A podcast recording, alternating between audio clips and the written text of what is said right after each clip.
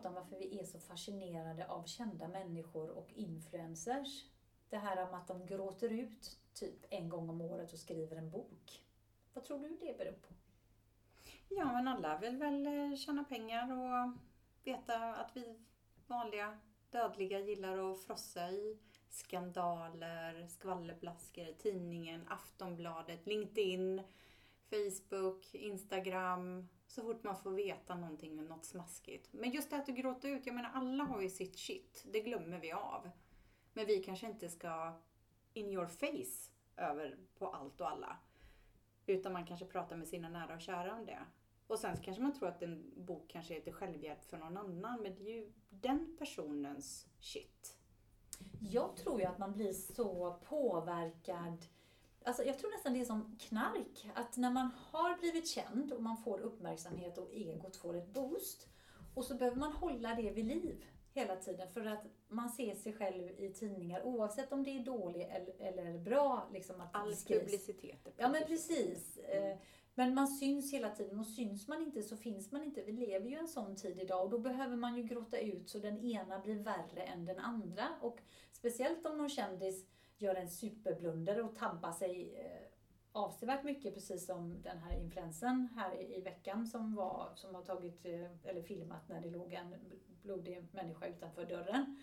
Till exempel. Jag skulle inte bli förvånad om den här personen om ett år har skrivit en bok om det här traumat och gråter ut när alla, alla företag nu har sagt upp avtalet med henne.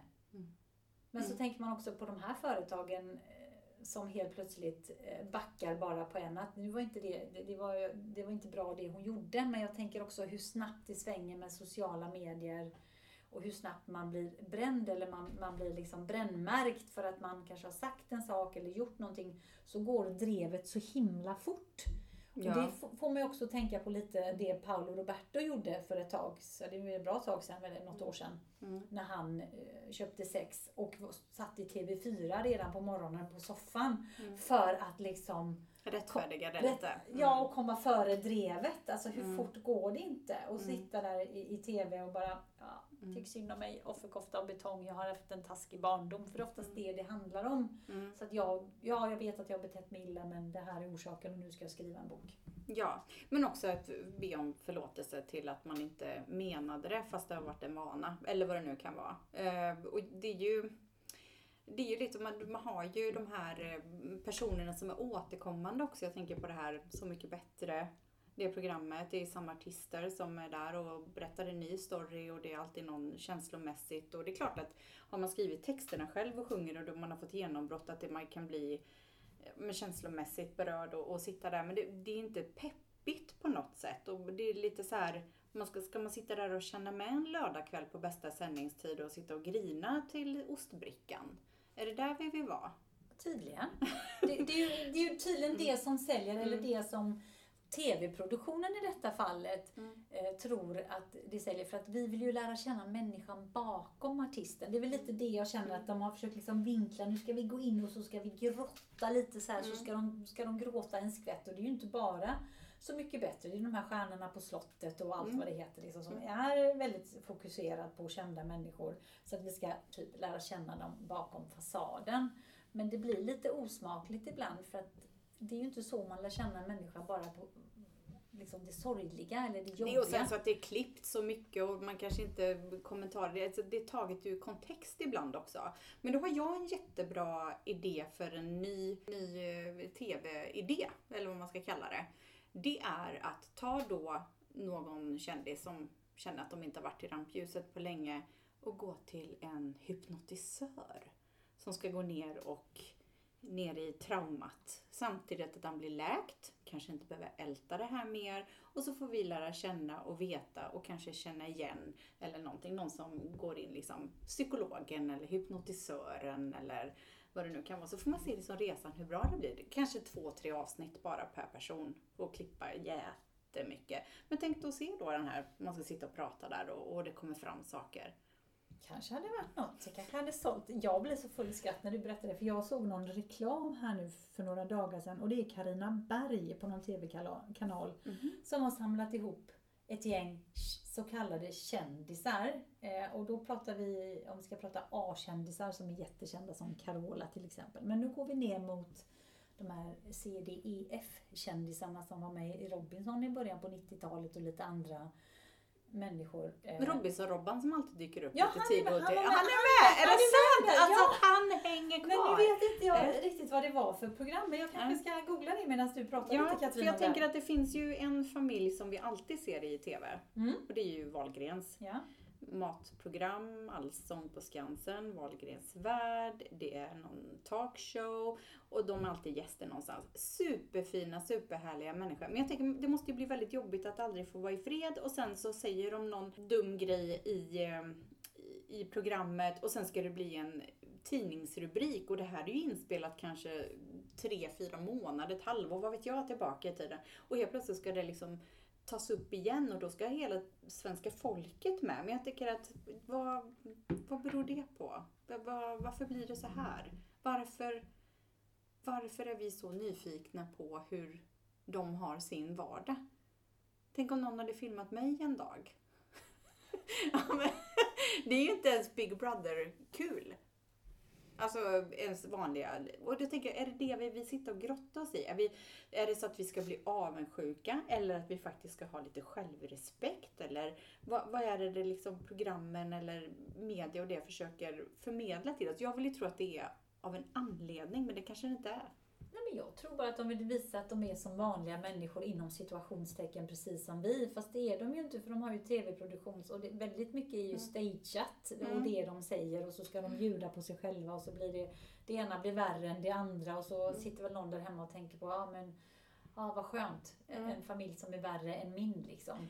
Ja men släkten är ju värst och, och då tänker jag på ett av de här så mycket bättre när det var i början. När jag tyckte ändå det var bra att det blev eh, en nyhet, en happen, även om man satt och grät där till mm. ostbrickan. Så var det ju han Pugh Rogefeldt var med. Han var så jävla full. Och du vet, ja, och man tänker så här, gud det är så härligt för de, när de spelar de här låtarna, ibland man kan kolla på klipp, så ser man ju det. Så ser du ett sånt klipp med någon av de här låtarna från de här tillfällena så sitter han liksom där superhärlig, supermysig. Men varför skrev ingen om det här att han hade alkoholproblem eller vad det nu kan vara? Varför, varför snappar man inte upp på det? För då fanns det ytterligare en anledning till att, att gråta ut om det. Men det tror jag har att göra med för att han inte fick en hit i programmet. Fast Darin gjorde ju hans Nej, inte, låt. nej, inte Han gjorde väl någon låt? Nej, ja det kanske han gjorde Stockholm, men det blev inte... Stockholm, Stockholm, Stockholm, Nej, var det Darin? Han gjorde den. Och så gjorde han ju han som dog, vad nu hette.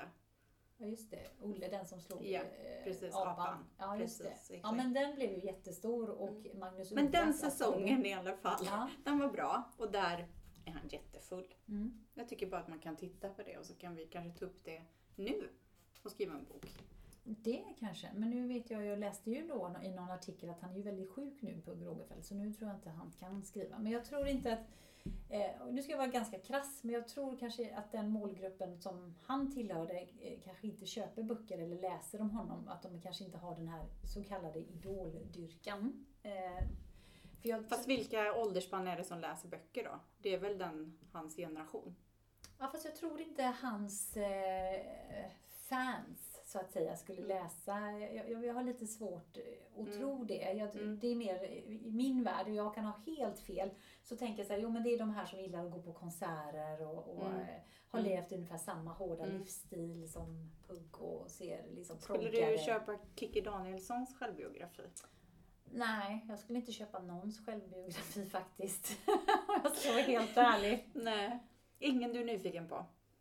Nej, inte, inte så som jag kan komma på på rak arm nu som jag vill eh, som jag skulle vilja läsa. Jag har läst massa biografier och tyckt att det var mm. jättekul mm. att läsa. Men, men då gillar jag ju att läsa de här där det, där det inte är fokus på snyfthistorien utan faktiskt att man får följa en person till saker och ting varför det hände. Alltså vet, slumper som vi har pratat om innan. Men jag mm. hamnade här på grund av det och jag gjorde de här valen och så blev det så här. Och visst, Underdogsen. Ja, men det kan vara mm. så. Det mm. behöver inte alltid vara. Men att, att visst, så här var min barndom eller så här hade jag. Jag hade en jättebra uppväxt men jag hamnade att jag hamnade inom sången eller kändisskapet eller vad det nu än är för något. Eller jag blev professor eller mm. vad som helst. Liksom. Mm. Eh, och det tycker jag är intressant att läsa. Men jag pratar ju, när, jag, när vi pratar om de här böckerna som kommer ut varje jul, då pratar jag mer de här som lite cyniskt, om jag får säga det, riktar sig mot julhandeln. Och det behöver ju inte alltid vara en snyfthistoria. Det kan vara en kokbok, det Mm. kan vara eh, Lev ditt liv som jag, eller Nu ska du må bra, en självhjälpsbok. Och så kommer det alltid här i slutet på november, början på december och så liksom, åh nu ska vi sälja jättemycket böcker och så ska vi leva på det ett helt år. Och sen så nästa år så kommer det en till bok. Och jag är så fascinerad för det säljer ju. Jag tycker det är Mm. fantastiskt att det säljer men för mig är det same same but different. Mm. För det är inte så att man utvecklas utan nu kanske man skriver att åh min barndom så här upplevde jag min pappa. Sen nästa gång min barndom så här upplevde jag min mamma. Sen nästa gång min barndom nu upplevde jag min bror, syster, Mm. svåger. Nej men du förstår vad jag menar. Liksom man, För man alla, som är, ja, för alla som är kändisar på ett eller annat sätt, om man är politiker eller om man är skådis eller inom musik, så hamnar man ju någon gång alltid i blåsväder. Mm. På ett eller annat sätt. Jag försöker tänka för att jag på någon som man inte, men antagligen vet man inte om ens att den personen existerar om den inte ens har gjort någonting. Så oavsett vad det än är, och det är ju att de här är ju vanliga människor men de blir luppade i precis allting vad de tycker, tänker och säger och gör och blir liksom bevakade. Det är ju sorgligt i sig. Ja, men att leva så, att tycka, och, och där är lite det jag kommer in på på den sidan av kändisskapet när det går så långt, när, när liksom det falnar lite, att man inte att inte tidningarna knackar på dörren längre eller att, Mm. tidningarna, eller att du inte får de här inbjudningarna till de här festerna eller vad det nu än är för Mm. något då. Eh, Att du är liksom inte uppe i smöret längre och så Mm. gör du saker. Mm. I detta fallet pratar vi om Mm. skriva en bok. Eh, Eller så gör du något annat bara för att hamna på löpsedeln eller för att visa att nej men jag är minsann känd. Man åker iväg någonstans och så ringer man någon tidning. Hej, jag är här nu. Eller säger Mm. till någon vän, kan inte du tipsa att jag är på semester här? Mm. Ja men precis, och jag såg en sån person som jag tänkte, gud, håller han igång än? Och det var Billy Idol. För han gjorde någon framträdande med Miley Cyrus. Jaha. Om man heter så. Ja. Jävlar vad rippad han är fortfarande och står där med samma skinnpaj uppknäppt och skinnbrallor. Rippad, fortfarande platinablond och så med henne. Och, nej, men han såg ändå på den bilden man såg ändå välbevarad ut för en man i hans ålder. Typ 70 eller? ja. Eh, och nu liksom gör med Miley Cyrus som ändå har plockat några artister liksom. Så jag tror att, ja men Taylor Swift, gör en eh, sån med henne också så är man tillbaka på listan eh, igen. För jag tänker det finns ju vissa som inte där ute är ju han, eh, var det Elton John och Britney som gjorde en låt här nu? Alltså Elton lever ju någonstans vidare ändå. Men just Billy Idol som man tänkte så här 80-talet och så nu var 2022, what? Nej det var lite häftigt att se men jag tänker att det är ju, pengarna är slut nu. kan vara så. Och det alla vill vi tjäna pengar på ett eller annat sätt. Så att jag menar kokbok som tv-program som vad det nu kan vara. Ja, men, ja. Jag är bara fascinerad över att, att en pers- person liksom kan liksom förnya sig så hela tiden. Och jag, tycker jag är jättefascinerad över det fenomenet. Men ingen vill vara nobody. Nej, men det, och det förstår jag. Så det, vill, det vill inte jag heller och inte du heller. Man vill alltid betyda någonting för någon annan. Men när det Mm. går liksom till det här ytterligare, nu pratar jag ju jätteytterligheter. Man vill vara någon för alla. Ja, eh, och jag tänker också de här eh, artisterna som alltid lever upp en gång om året på Melodifestivalen till exempel. Hur kul är det igen att vara en sådan artist och veta att nej, men jag lever upp en gång om året och det är när det är Melodifestivalen eller var, vartannat år när jag får vara med och sen Mm. under tiden så, så eh, harvar jag i företagsevenemang typ. Mm.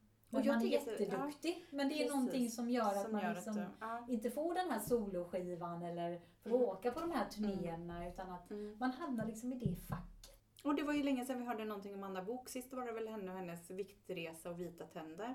Ja, Så när kommer Anna Bok med sin bok? snart kanske.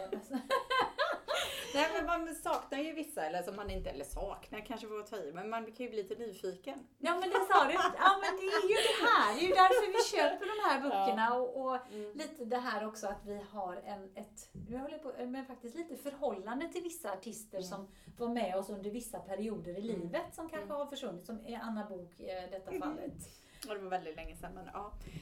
Jag är med dig. Men man vill ju läsa det kanske snaskigheterna samtidigt som man inte bryr sig. Varför blir det så att man klickar på länken? Nyfikenhet. Ja, det beror på kanske rubriken. Återigen, media, publisher, timingen. Eller bara du Roberto, det är dags för en skandal för din pasta säljer inte lika bra nu. Vi gör en chansning. Ja, jag Det gick lite mer åt höger. Nej. Nej men skämt åsido. Så det är väl lite intressant att se vem som kommer här nu till jul då, eller november. Borde ju släppas snart. Ja men det tror jag säkert. Och jag, eh, ja det finns ju några som alltid dyker upp varje år. Ingen nämnd, ingen glömd. Eh, Så det ska bli väldigt roligt att se vad titeln blir nu på, på de nya böckerna. Eller det här ja, nya... Anna Bok, mitt nya jag efter mitt gamla jag. Ja. Jag tror ju så här att om inte vi är så fascinerade, för vi är alla fascinerade av kändisar och deras liv, så hade ju inte de här fenomenen funnits. Nej, och jag tänker ju när du säger att man är intresserad och man åker till Hollywood och åker bussresan och kollar på vart alla bor. Det Mm. finns ju sådana trips och man kan åka och titta och få kanske en liten glims eller vad det nu kan vara. Eller något, eh, Livet är nu, den eh, serien som var lite hypad för några år sedan, svensk serie. Eh, som gick, handlade om restaurang i Stockholm. Eh, en familj som drev den eh, satt jag på en restaurang i Stockholm och käkade middag. Då sitter ju nästan hela filmcrewet där. Men i och med att den var så pass ny så var de fortfarande lite anonyma. Men eftersom man såg flera kända ansikten så var det liksom, som, gud det är ju de satt där. Då började ju alla tissla och tassla den här lilla intima grejen. Och det är väl liksom, det är klart att de har rätt att gå på after work också. Men det var säkert någon, eh, något skriveri om den kvällen. Ja, Jag har ju sånt där mål som jag tycker skulle vara jätteroligt och det är att åka till Graceland. Mm. Elvis, det är så här, ja jag är uppvuxen med Elvis, eh, från, både från min pappas sida och min morbror som var, betyder mycket för mig.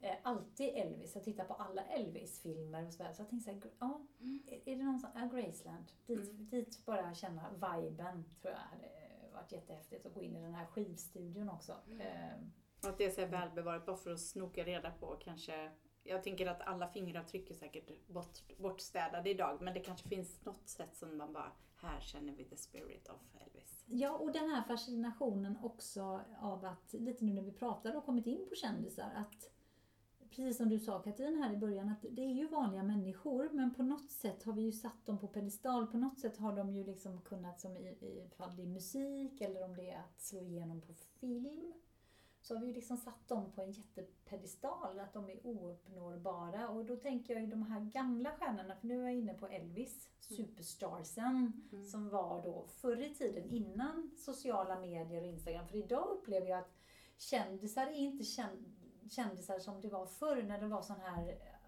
jättestora Mar- Marilyn Monroe liksom. Mm. Och, och, och alla de här gamla, utan de här nya, de kommer så fort. De kommer och går jättefort. De är liksom upp som en stjärna och ner som en... Mm.